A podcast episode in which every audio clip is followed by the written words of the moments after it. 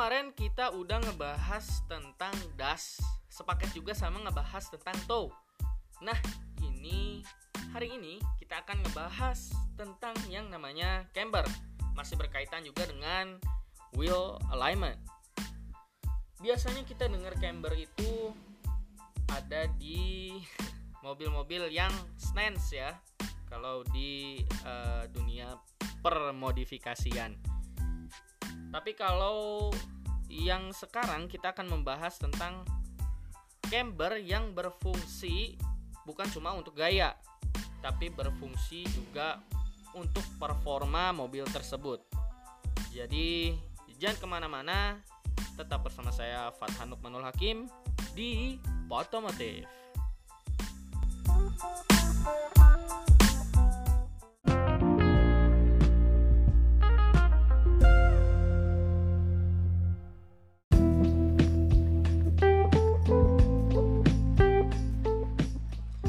Nah, sebelum kita ngebahas tentang cambernya, gue mau uh, lu semua ngebayangin mobilnya ini dilihat dari depan.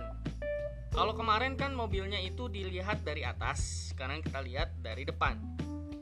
Ngebayanginnya biar gampang ngebayanginnya mobil F1. Jadi lebih kelihatan si angle bannya. Yang pertama ada zero camber. Zero camber atau natural camber ini gak diapa-apain cambernya.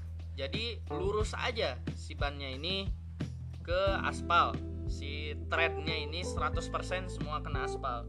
Kalau kita gerakin bagian atas dari ban tersebut keluar dilihat dari depan ya keluar ini artinya yang lebih banyak kena ke aspal atau ke ground ini adalah bagian luar dari tread yang dekat sama tire wall bagian luar yang barengan sama velg ya. Ini kita akan mendapatkan positif camber.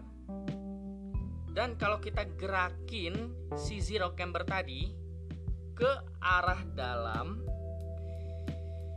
atau bagian ban atasnya kita arahkan ke dalam ya.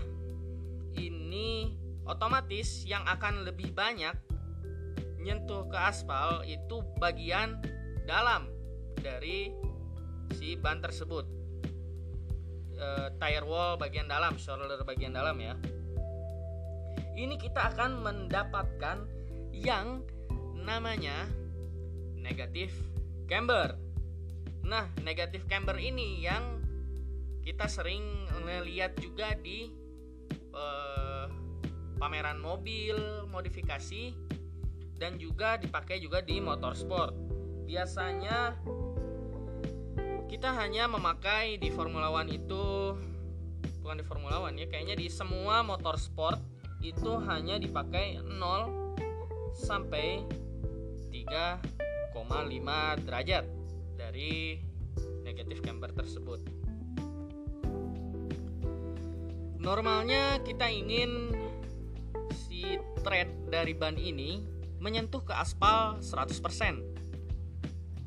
Dan ini benefitnya untuk traction lebih bagus, untuk memaintain uh, si temperatur daripada bannya ini lebih gampang dan juga untuk lebih menghemat dari tire wear tapi beda ceritanya kalau kita lagi belok. Soalnya kita ini pertama ada lateral force atau lateral G-force yang ngebuat mobil ini jadi lebih berat ke satu arah. Misalkan kita beloknya ke kanan, maka mobilnya juga akan lebih berat ke kiri karena lateral force itu seperti yang gue mention di episode sebelumnya lateral force ini adalah kebalikan dari arah belok dari mobil kita ya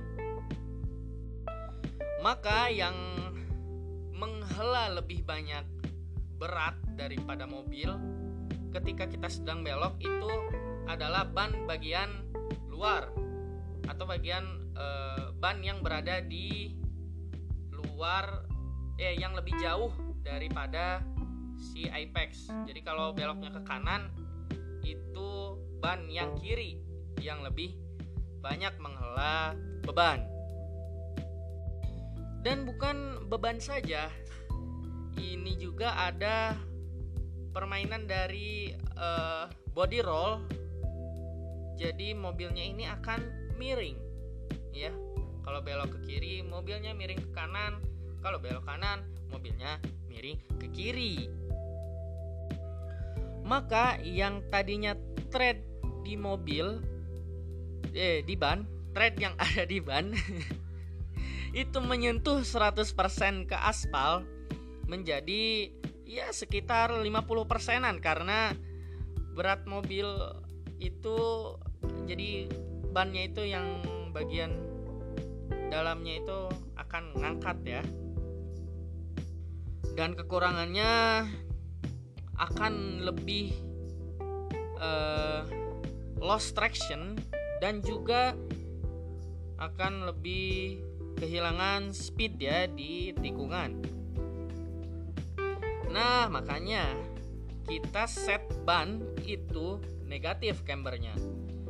Jadi kalau mobil itu belok yang tadinya kalau di lurusan itu bannya itu nggak napak bagian luarnya jadi ini napak semua di bagian luar ban tersebut. Ini ban yang uh, lebih banyak beratnya ke situ ya. Jadi misalkan kita belok kiri kan ban yang eh kita belok kanan ban yang lebih uh, menghela beratnya itu ada di sebelah kiri. Jadi uh, ban kiri itu 100% ngegrip. Maksudnya 100% threadnya ada di aspal. Dan juga ada efek lain yaitu lateral truss atau biasa disebut camber truss jadi ban yang lebih e, banyak loadnya atau bebannya itu akan cenderung belok ke arah cambernya ke arah dalam cambernya ya. Jadi misalkan kita belok kanan, ban yang berada di kiri itu akan gampang lebih be eh, gampang beloknya ke sebelah kanan. Itu mudahnya ya. Kalau ini bisa dibaca lagi di internet. Kalau mau yang penjelasan lebih detailnya.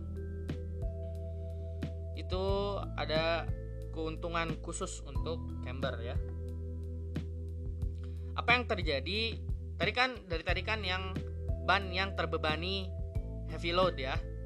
Apa yang terjadi uh, dengan ban yang tidak terbeba tidak, tidak terbebani? Belibet kalau ya. Yang tidak terbebani. Ban tersebut uh, akan ngegripnya ya sedikit ngegrip sedikit e, nyentuh aspal karena mobilnya itu miring kan. E, malahan ada di beberapa settingan suspensi itu bannya itu ngangkat ya. Nggak nggak terlalu kelihatan sih ngangkatnya tapi sebenarnya itu ngangkat bannya. Dan di samping kelebihan-kelebihan yang ada di negatif camber ada beberapa kekurangan yang berada di settingan suspensi yang seperti ini. Contohnya itu ketika kita e, braking ya, kekurangannya ini kita ketika braking. Kalau accelerating itu nggak masalah karena yang dibebani oleh ban itu adalah si roda belakang yang dibebani oleh mesin ya eh yang dibebani oleh berat mobil. Berat mobilnya itu kan akan berpindah ketika kita akselerasi dari tengah ke belakang biasanya. Jadi ban belakang itu biasanya nggak di set camber karena buat apa nggak belok juga bannya. Di setnya 0, cambernya natural. Tapi masalah muncul ketika tadi braking karena beban mobil ini akan cenderung ke depan. Dan ketika cambernya ini terlalu ekstrim negatif cambernya ini akan lebih eh, cepat memanaskan ban. Lebih cepat overheat bannya. Dan tire wear bagian dalam juga akan lebih cepat berkurang ya.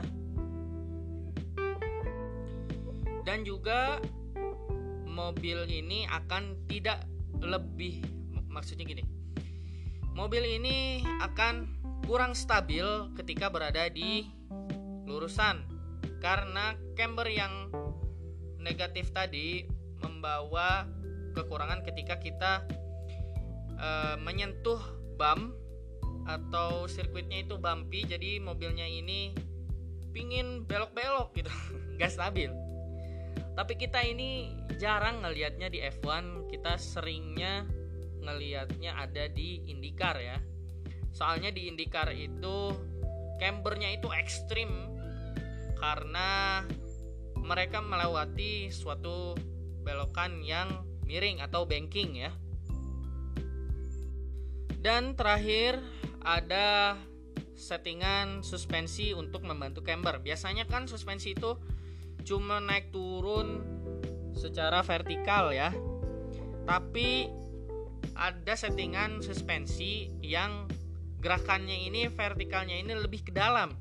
Jadi membantu untuk e, ketika belok mobilnya ini cambernya ini pas gitu ya ketika belok tapi itulah kalau ngebrake kalau braking ya tadi disadvantage-nya itu yang uh, lebih susah maksudnya lebih uh, cepat bannya ini wear-nya ini habis ya. Dan kayak gitu aja buat episode kali ini. Pasti semua pembalap juga semua pembalap, semua engineer di dalam tim itu berusaha men-setting suspensinya untuk uh, semaksimal mungkin ya. Itu tow, camber, dan travel suspensinya itu semuanya disetting dengan perhitungan yang uh, sangat matang. Jadi terima kasih yang udah dengerin. Jangan lupa di favorit Jangan lupa di follow kalau dengar di Spotify. Jangan lupa juga di subscribe kalau dengar di Google Podcast. Selamat sampai jumpa di podcast selanjutnya. Wassalam.